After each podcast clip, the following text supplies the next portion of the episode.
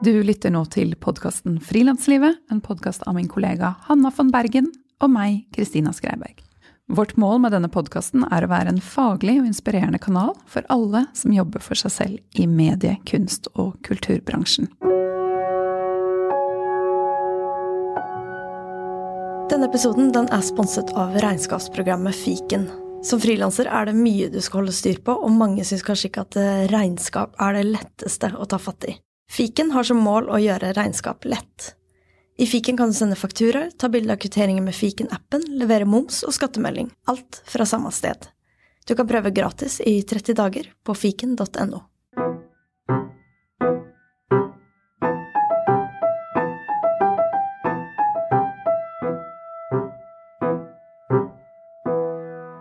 Jeg sitter nå på Spaces i Oslo og har besøk av Heidi Hundset Hart. Heidi er 33 år gammel og jobber som illustratør i Etiopia. Heidi er opprinnelig fra den lille bygda Balestrand i Sogn og Fjordane, men de siste to årene har hun bodd i Addis, hovedstaden i Etiopia, og for ett år siden tok hun sats, sa opp jobben og ble frilansende illustratør på fulltid. Jeg oppdaget Heidi på Instagram, eller jeg oppdaget tegningen hennes. Da jeg så at hun bor i Etiopia, ble jeg veldig nysgjerrig. I dag vil jeg snakke med henne om hvordan hun har etablert seg som illustratør i Etiopia, hvordan kunstscenen er der, hvordan hun får oppdrag, og om å lage egne farger fordi det er lite tilgang på ressurser der hun er. Hei, Heidi. Hei, Kristina. Jeg har jo holdt øye med deg en god stund, eh, og sett på de fine tegningene dine, men det er noe eh, veldig fint med å sitte i samme rom. Ja, det er det. Så jeg er glad for at vi får til dette. Ja, jeg er veldig, veldig glad. Men du, kan ikke vi begynne å snakke litt om den byen du bor i nå? Fordi det er, er jo eksotisk, Ja. eh, har jeg veldig lyst til å høre om. Mm. Hvordan er det å være kunstner der? Åh, det er, det er noe jeg som jeg har tenkt på veldig lenge. Å bo i, bo i Addis, da. Og det å drive med kunst der, det er en drøm. Det er jo bare Altså, den atmosfæren og de folkene som, som jeg møter hver dag, det er sånn Det er sånn varme, da. Det er en sånn smilende ansikt og Det er en helt annen sånn impuls, kanskje. Og det er Det er så masse inspirasjon å ta fra, og hele tida noe nytt. Noe nytt og spennende. Og så det at jeg, jeg lærer så mye av meg sjøl. Av å bare være norsk i Etiopia. og som kunstner, selvfølgelig. Det er jo Nei, jeg syns det er bare helt eh, akkurat det som jeg har lyst til å gjøre. Det gjør jeg akkurat nå. Så fantastisk å høre. ja. Så du skal ikke flytte på deg med det første? Høres ut som Jeg håper ikke det. Nei. Nei, det håper jeg ikke. Men nå er du hjemme på serie, Mhm. og jeg har vært i Balestrand, Mm. nå en liten tur til Oslo. Eh, Balestrand er en liten bygd med Mm. Jeg googlet og så at det bor ca. 1300 innbyggere der. -hmm.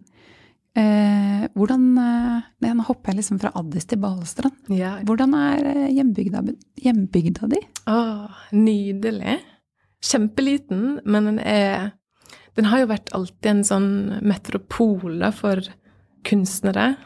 Spesielt under nasjonalromantikken så kom jo alle de store kunstnerne for å male de vakre fjellene. For det var noe spesielt med Balestrand og det lyset. Fordi det er veldig åpent. Det er ikke så masse fjell rundt, men det er veldig åpent. Du ser liksom fjorden, og så har du vakre fjell bak. Og så er det bare Nei, det er helt nydelig. Det er jo det.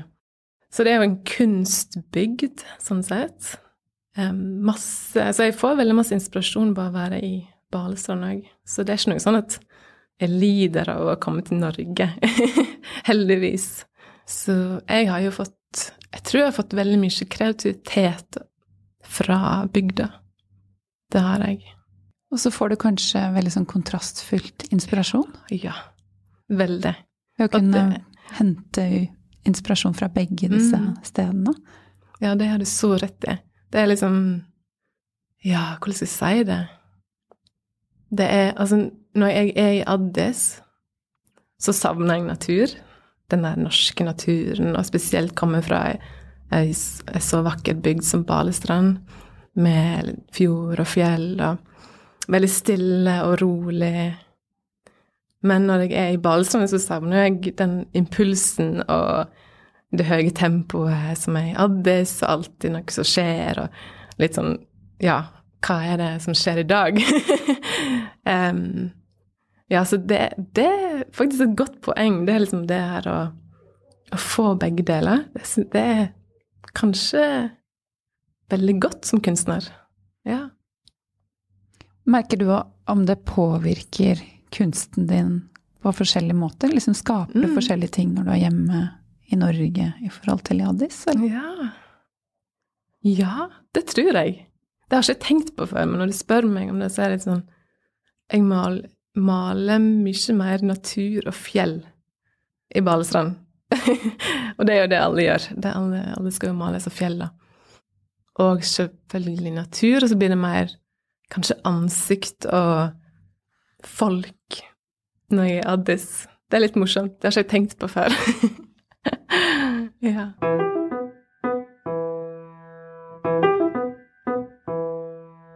Har jo bodd litt i Afrika i løpet av oppveksten din også. Mm. Eh, kan ikke du fortelle litt om det? Jeg og familien min reiste til Tanzania eh, på 90-tallet. Da jobba pappa i, med et sånn plantingsprosjekt med Norad. Så vi dro jo dit i to eller to og et halvt år. Ja.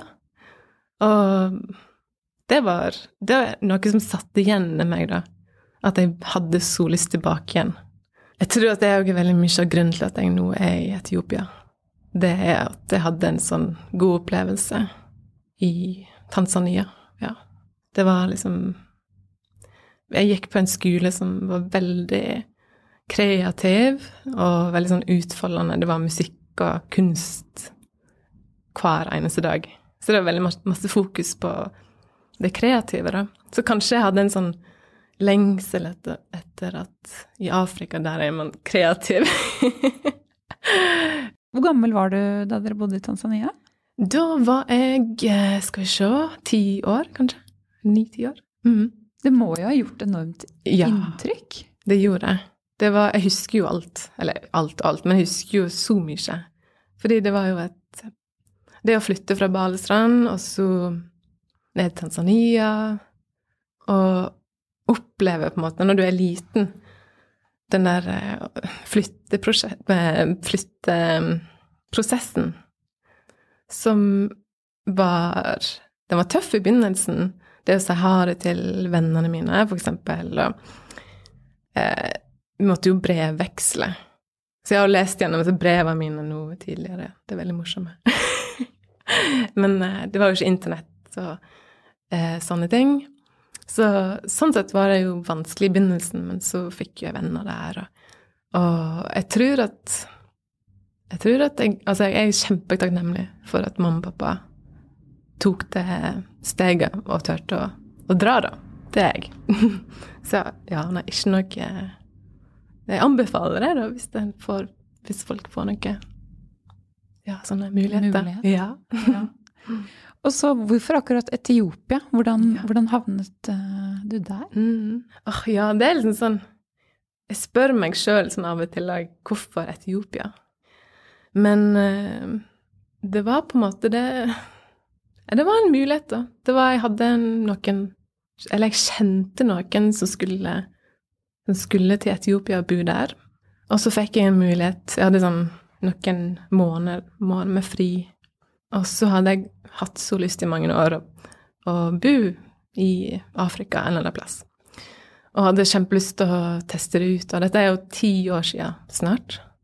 Så jeg satte meg på flyet. Det var sånn Ja, jeg skal bare dra til Etiopia. Så jeg satte meg på flyet sånn, noen uker etterpå. Hadde, hadde en plass å bo og fikk kontakt med ei som trengte ei kunstlærer eh, som jobba Så jeg, ja, jeg reiste, og så jobba jeg frivillig eh, noen måneder i Addis, og det Ja. det var sånn det begynte. Mm. Så da jobbet du som kunstlærer for, for Ja, det var for eh, Det var en, en skole, men de hadde sånn ettermiddagsskole, da. Eller det var ikke ettermiddag, det var vel Det var jo hele dagen. Men det var for å få kvinner inn i arbeid. Um, som aldri hadde tatt utdanning før, og kanskje ikke gått ungdomsskole uh, etc. Uh, så de fikk et papir, eller et dokument, som de kunne ta til ulike barnehager og si at jeg har tatt de og de fagene. Så jeg fikk undervise 40 damer i alle aldre. Kunst. Og jeg vet ikke hvem som fikk mest ut av det. Sånn, av og til tenker jeg at Man tenker kanskje sånn om man skal til Afrika og, og hjelpe folk. Men jeg tror det er de som reiser, som egentlig får mest sånn input av og til. Sånn, ja Jeg lurer på om jeg sitter mest igjen med en sånn Det var jeg som fikk den hjelpen, kanskje. Jeg vet ikke. Men um, det var helt fantastisk for meg, da. å kunne undervise dem. Og vi hadde det veldig kjekt sammen. Ja. Men du er utdannet Skal vi se, hva har jeg skrevet her? Lektor, eller er lektor? Du er lektor. Fordi mm etter dette oppholdet så mhm. tok du Jeg regner med at utdannelsen din var kanskje etter det? Hvis, du, ja, hvis det er etter det. Ja, ja. Men ga på en måte kunsten mer smak, siden det er det du på en måte ja. har vendt tilbake til? Ja, altså jeg har alltid jeg har alltid tegna og drevet med kunst. og mm, Familien min er veldig kreativ, og pappa spesielt. Og, så det har alltid vært en sånn drøm for meg, for meg liksom, det her å drive med kunst. Men så jeg, jeg, eh, jeg turte på en måte nesten aldri det. Jeg gikk Jeg begynte på en kunstskole, og så tror jeg at jeg ble litt sånn redd. Sånn Skal jeg klare meg? Skal jeg Jeg tror ikke jeg tør. Så jeg slutta. Og det, selvfølgelig, det kan jeg angre på, men jeg, skal, jeg, har ikke lyst til å sitte og angre på det. Men så tok jeg altså jeg tok en master i samfunnsfag og ble lektor. Men òg fordi at jeg er interessert i kultur og samfunn og kultur. Så det er jo på en måte ikke noe sånn waste for meg sånn sett, da. Men eh, den der indre trangen til å jobbe med noe kreativt, det har alltid vært der. og Selvfølgelig har jeg alltid kunnet gjort det, men å jobbe som kreativ utøver, det er jo noe som jeg nå har begynt med i det seinere året. Ja. ja, fordi det er ett år siden du sa opp eh, fast jobb? Eh, nå er det to år siden, da. Ja. ja. Cirka. Ja. Mm. Hvordan har det gått? Det har gått kjempebra. Jeg er helt sånn nesten ikke kan tro det. så Og folk har kommet til meg, og det å bo i Etiopia Jeg vet ikke om det òg kan være en, en av grunnene til bare det her nettverket som vi òg har fått oss, da. Jeg tror det òg har veldig mye å si. Men òg sånn Instagram, og folk tar kontakt der, og ulike plasser i verden. Så det er jo liksom sånn jeg er opptatt. Så det har gått helt utrolig. Jeg kan ikke tro det. Hvor får du Eller kan du ikke fortelle litt om oppdragene dine? Hva mm. består det mest av, og hvor kommer de fra? De skjer Nå er det veldig mye sånn kaffe, da. Det er sånn, sånn kaffekompani. Um, så nå skal jeg begynne å jobbe nesten litt sånn fast for et sånt kaffekompani som eh, eksporterer kaffe til veldig mange ulike land, sånn som Norge. Og, eh, så det syns jeg er kjempekult, for jeg er veldig fan av kaffe. og, og så er det sånn honningprodusenter og klær, design, eh, sengetøy, eh, ulike ting. Ja, så det, det, blir veldig mye forskjellig. Um, Men så en del lokale oppdragsgivere i ja, Addis? Ja, så Addis, og vært noen i LA, og så noen i Norge, Tyskland, Sveits Ja. ja så det er, liksom, det er veldig masse forskjellig. Men uh, nå mest, når jeg kommer tilbake nå til Addis, så blir det mest de kundene som venter på meg, er, er der. Ja. Men hvordan foregår det? Mm. Finner mm. de som regel deg, eller er du liksom litt sånn 'hei, her er jeg', mm. og ut og presenterer deg? Nei. Eh, jeg har vært så heldig at alle har kommet til meg. Det er Om det alltid blir sånn, det, det vet jeg ikke, men eh, jeg tror det kan gå litt opp og ned. Men nå har alle kommet til meg, og så Men eh, det som er òg med Bu Addis, det er, det er at du kjenner noen som kjenner noen, og så er det eh, Fordi det er så Selv om det er en stor by, så er den veldig liten. Og fordi folk er ute på gatene, og folk henger på kafeer, og du, du treffer folk overalt.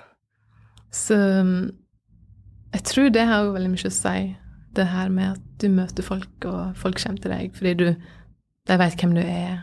Ja. Men de oppdragene du får som ikke er fra eh, de du møter eh, på gata, holdt jeg på å si, på fest eller på jobb eller ja, er det via jeg tenker litt sånn hvordan markedsføre seg selv. Er det via hjemmeside, Instagram? Hva har vært den mest nyttige kanalen for deg? Eller nyttige plattformen å være synlig på? Eh, mest Instagram.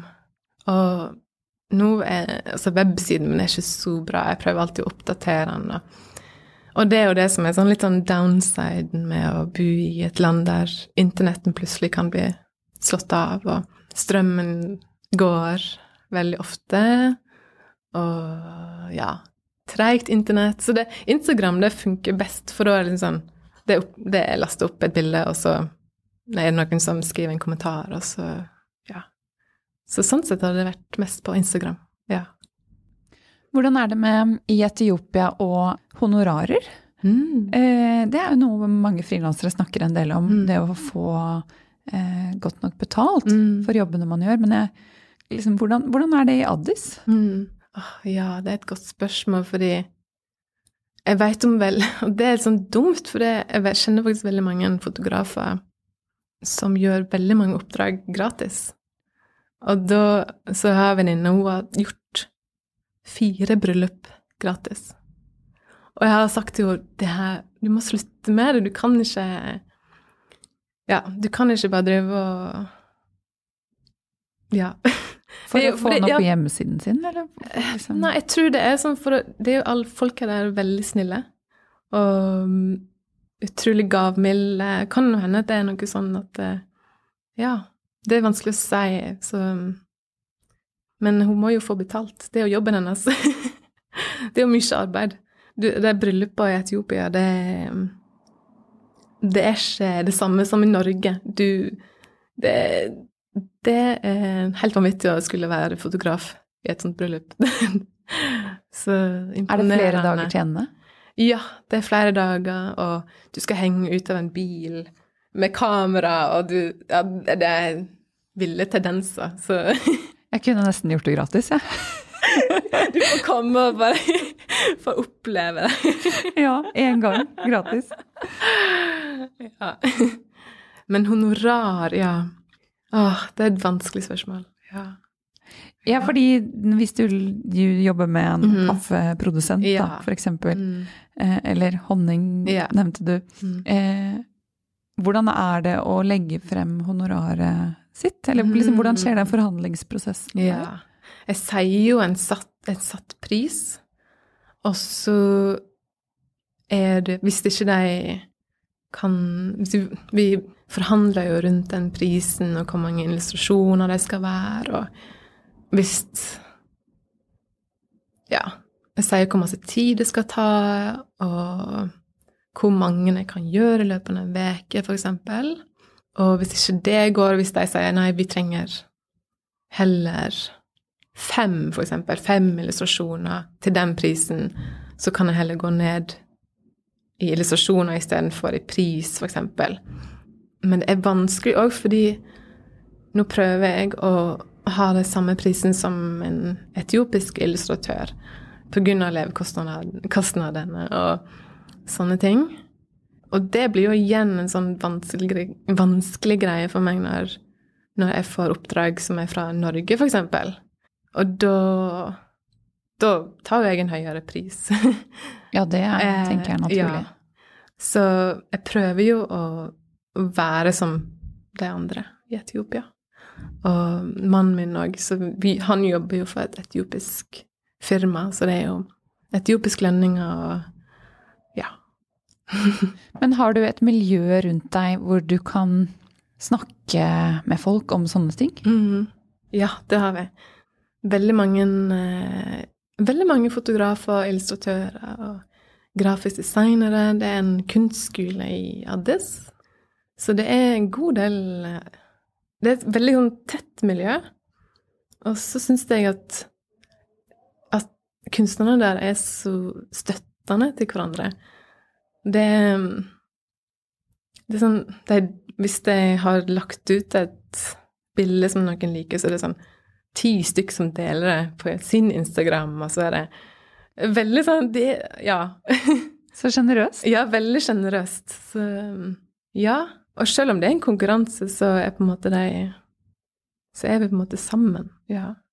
Og det er jo Det merker jeg òg med spesielt Så mannen min, han har jo Han har startet opp en sånn analog gruppe med fotografi, og den gruppa, den er det, det samholdet, det er skikkelig sånn imponerende. Jeg nesten blir nesten rørt når de er sammen, for det de Ja. Nei, jeg vet ikke hvordan jeg skal si det.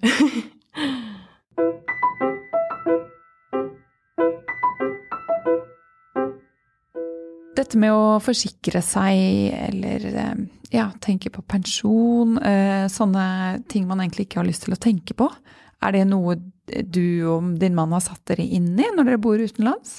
Ja, det Altså Ja, det er et vanskelig spørsmål, fordi man liker jo ikke å tenke på det, selvfølgelig, men det er veldig lurt. Jeg får litt sånn vondt i magen Ja, bare av å stille spørsmålet. Ja, men uh, han er jo amerikaner, og jeg tror at han har en helt annen tank tankegang enn det som jeg, fra, jeg som er fra Norge, har. Eh, så det å betale forsikring, for eksempel, det gjør vi gjennom USA. Så vi er, vi er jo skadeforsikra og alt det der. Fordi vi betaler det. Og så tror jeg òg at eh, har, vi har ikke noen sånn veldig, veldig langsiktig plan med å bo i Etiopia. Og det tror jeg kan være en sånn trygghet at jeg skal tilbake til Norge, og da kommer vi inn i folketrygden igjen, da. Men det er vanskelig hvis man skal bo der veldig, veldig lenge, i mange, mange år, og ikke ha det. Det veit jeg ikke om jeg vil. Kanskje ha en sånn ramme for hvor lenge du skal være der, eh, hvis man skal ut og reise. Og det har vi gjort. Nå har vi sånn toppen to år til, i alle fall. Og og vite om hvilket sykehus som er rundt, og være liksom obs på sånne ting. Og meldes opp til ambassader og nyhetsbrev. Og, og det har jo vært noe som I fjor var jo det unntakstilstand i, i Addis, eller i Etiopia, da. Så ting kan skje veldig fort, og det er jo ustabilt av og til. Og det er jo det nå òg, selv om man nå vil jeg, jeg vil jo fokusere på gode ting med Etiopia, og det håper jeg at jeg gjør. Og, eh, men det er jo masse vondt som skjer der òg, dessverre. Så, men å være obs og orientere seg og ha gode venner som Ja, være kjent med folk som Ja, som kan ting og holde seg oppdatert på nyheter og på det politiske som skjer. Det tror jeg òg er veldig, veldig lurt. Hvordan ser hverdagen din ut i Addis? Jeg tenker litt sånn Hvor er du når du jobber? Er du hjemme, eller har du et atelier, eller Hvor befinner du deg?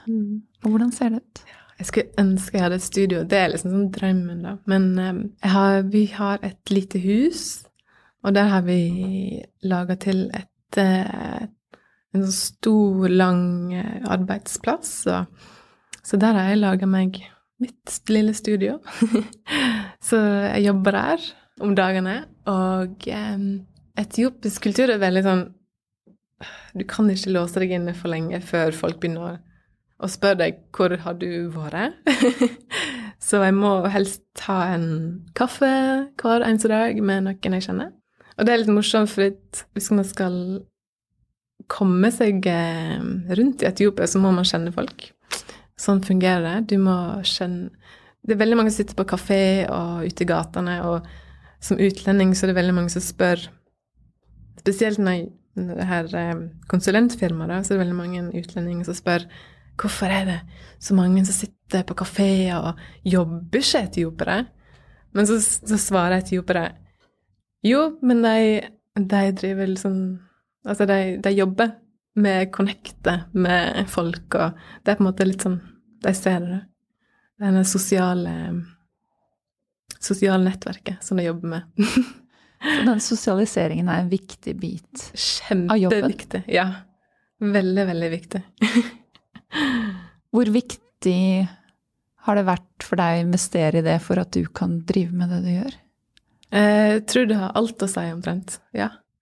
Um, eller ikke alt å si, selvsagt, men det har veldig mye å si. Det her med å Og det å kunne reise til et land og lære språk, det har jeg gjort. Eh, det er jo 80 språk i Etiopia, og jeg har lært meg to, men ikke flytende. Skulle ønske det var flytende. Og det å ta sånne kurs om etiopisk kultur og workshops og sånn, er veldig tror jeg er veldig liksom, viktig før man eller drar, eller når man har vært der litt og faktisk da begynner å tenke litt eh, på kultur og bli kjent med folk. Og så og sånn, sånn en ting, for eksempel, er å etiopisk eh, kultur som man som utlending ikke kan tenke så veldig nøye gjennom, da.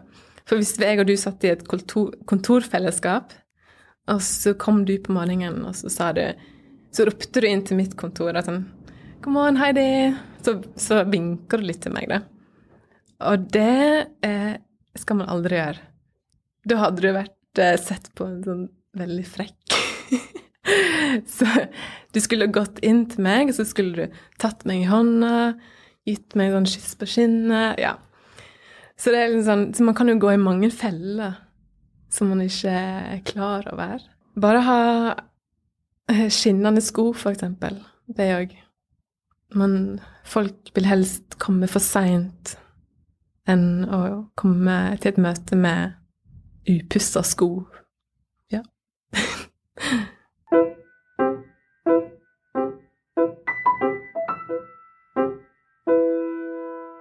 Men det her å Jeg tror veldig på det med å være en god gjest i det landet du, du drar til. Um, og fordi vi ser jo det så tett på det livet som vi lever. Det, du går ti meter, og så er det en elv fullt av plastikkposer, eksempel. Og søppel, og Og da har ikke jeg lyst til å gå rundt hjørnet og si ja til en plastikkpose. Og da kan jeg si nei til den, fordi den kommer til å kanskje havne i den elva. Um, og så det er sånn som jeg bare må si til meg sjøl hele tida sånn Vær en god gjest. La bilen stå så ofte du kan. Du trenger liksom ikke å fly til Norge hele tida. um, redusere og um, Tenk over hva, hva såpe jeg bruker, for eksempel. For den går jo i vannet der, og Det er litt sånne ting som jeg har lyst til å bare bli enda bedre på, selvsagt. Og, og jeg tror òg på det å omringe meg med folk som er enda flinkere enn meg til å tenke miljøbevisst og Den eh, bevisstheten eh, og miljøbevisstheten, er det noe du også har med deg når du, som illustratør, når du tar oppdrag for andre? Jeg håper det. Og veldig lyst til at det skal være etisk, etiske produkt, eller at jeg skal vite hvor varen er fra. Og um, jeg håper jo at jeg tør å si nei hvis jeg får et eller annet oppdrag som her er noe skeis av det Altså det er fra en fabrikk som ikke er kontrollert, eller eh, sånne ting. Og jeg tror Jeg håper jo at jeg har Det å leve så tett på et land som Etiopia, der eh, man skal, jeg, i hvert fall Jeg mener man skal være obs på etisk produkt, og om de Jeg har ikke lyst til å gå inn i den der eh, kjøp og kast-greiene. Du har nevnt for meg eh, før vi skulle møtes, at det kan være lite tilgang til eh, ressurser. Som gjør at man kan Eller man gjerne må være litt kreativ. Og må lage sine egne farger. Kan ikke du fortelle litt om det? Jo eh, Nå har jeg ikke hatt så veldig suksess i det der, Kristine. Men eh, det her med ressurs Jeg klarer ikke å si det ordet. Ressurs Ja, OK. Resources. Resources. så må jeg spare veldig mye. Og kanskje det er en sånn positiv ting at man blir litt mer sånn minimalist, at man tenker litt over hva man har. Men jeg må jo spare på papir, f.eks., og bruker ofte sånn begge sider av papir her, og, og farger, at jeg ikke bare liksom Det merker jeg når jeg er her i Norge nå. Det går mye papir og mye maling, og fordi å, jeg har så masse sånt jeg kan bruke, og jeg tror jeg kanskje tenker litt mer over det, og så finne litt sånn andre typer medier, og eh, hva kan jeg bruke om igjen, eller Ja, så man blir jo litt sånn kreativ av det òg, kanskje. Og når du illustrerer, hvilke um, metoder, holdt jeg på å si? Hvilke, hvilke Mm. form... Hva heter det? Ja. Ja. Jeg vil jo si det er sånn miks Jeg bruker veldig masse miksmedia med, med ink, så blekk, da, og blyant og vannfarger, som det går mest i. Og minimalisere litt, da, at jeg ikke har så veldig mange former som jeg faktisk må fokusere på. Jeg veit ikke, det er noe de siste åra at jeg har Og jeg lurer litt på om det er med det her å, å flytte at jeg ikke Nå har jeg ikke så masse ting her i Norge, og så har jeg kvitta meg masse og gitt vekk og solgt og sånn. Og det å minimalisere livet sitt litt, da, kanskje det at eh, Og det har jeg litt tenkt på litt i det siste, å og bli litt sånn Det skal jeg holde meg til. Jeg vet ikke. Ja. Hvordan, fant du, liksom, hvordan kom du frem til din egen stil? Eller ditt eget uttrykk? Alltid tegna, alltid likt å tegne med blyanter. Og de bestefar drev med olje, og så mamma med akryl, og så pappa med blyant. Jeg veit ikke, det er bare vokst opp med blyanten i hånda. Og så har jeg egentlig vel ja, utvikla meg sånn derifra. Og syns jo at ink er kjempekult, fordi det gir et sånt kraftig uttrykk. Og liker litt den derre det svarte og mørke, og så får du en sånn skikkelig sånn bright eh, ja, farge. så ink syns jeg er kjempekjekt. Har du perioder hvor du på en måte står fast? Ja, det kan man. Og så kan man eh, gjøre Gjøre ti illustrasjoner, og så er én som er bra, for eksempel. Hvis ikke jeg har tatt opp en blyant på lenge, da kan det være sånn at å, da må jeg nesten inn igjen i den rytmen og sitte lenge, for eksempel, og ja Og ha den roen rundt seg at Ja. Nei. Men når du nå er eh, på norgesferie, mm. er det sånn at du tar med deg virket ditt, på en måte? Altså tegner du Er det noe du gjør hver dag, eller? Ja. så nå Altså, jeg har jo tatt med meg jobben nå, så har jeg egentlig ikke hatt så masse ferie. Ehm, så det blir jo Det òg syns jeg er vanskelig, for vi er jo ikke her i Norge. Prøver jo å redusere reisene så mest som mulig. Og det Når jeg først er hjemme, så har jeg lyst til å, å nyte, nyte Norge. Um, men så har jeg jobb òg. så, sånn, men så blir Så jeg er litt sånn uh, Det går litt treigt akkurat nå. Fordi det er så mye fint. jeg har lyst til å få med meg ting som ikke bare er jobb da. Ja. Så det kan være litt sånn utfordrende når man skal hjem til familie, og så har jeg tatt med meg eh, malesettet mitt, og så må jeg si at nei, nå må jeg jobbe. Ja, det er ikke alltid like kjekt.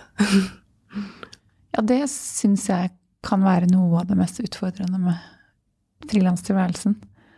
At uh, de grensene Eller at det ofte er i oppdrag eh, selvvalgte og ikke selvvalgte, på en måte.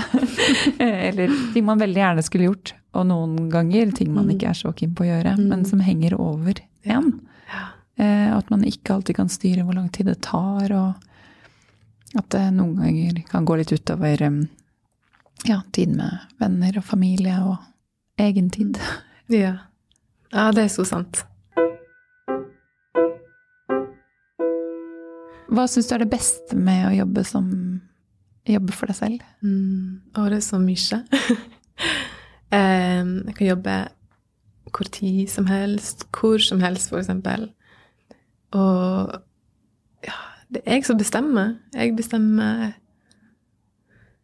hvor jeg, hvor jeg skal være, og det er bare en sånn frihet, da. Det er jo det. Frilanslivet.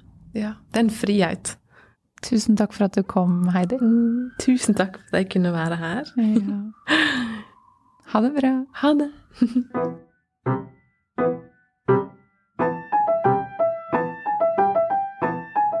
Vi håper vi skaper innhold av verdi for dere frilansere der ute. Hvis du syns vi gjør det, eh, så blir vi veldig, veldig glade hvis du har lyst til å gå inn i iTunes og rate episoden. Kanskje skrive en liten tilbakemelding. Det gjør at eh, flere finner disse episodene, og det gjør at vi kan fortsette å skape innhold for dere.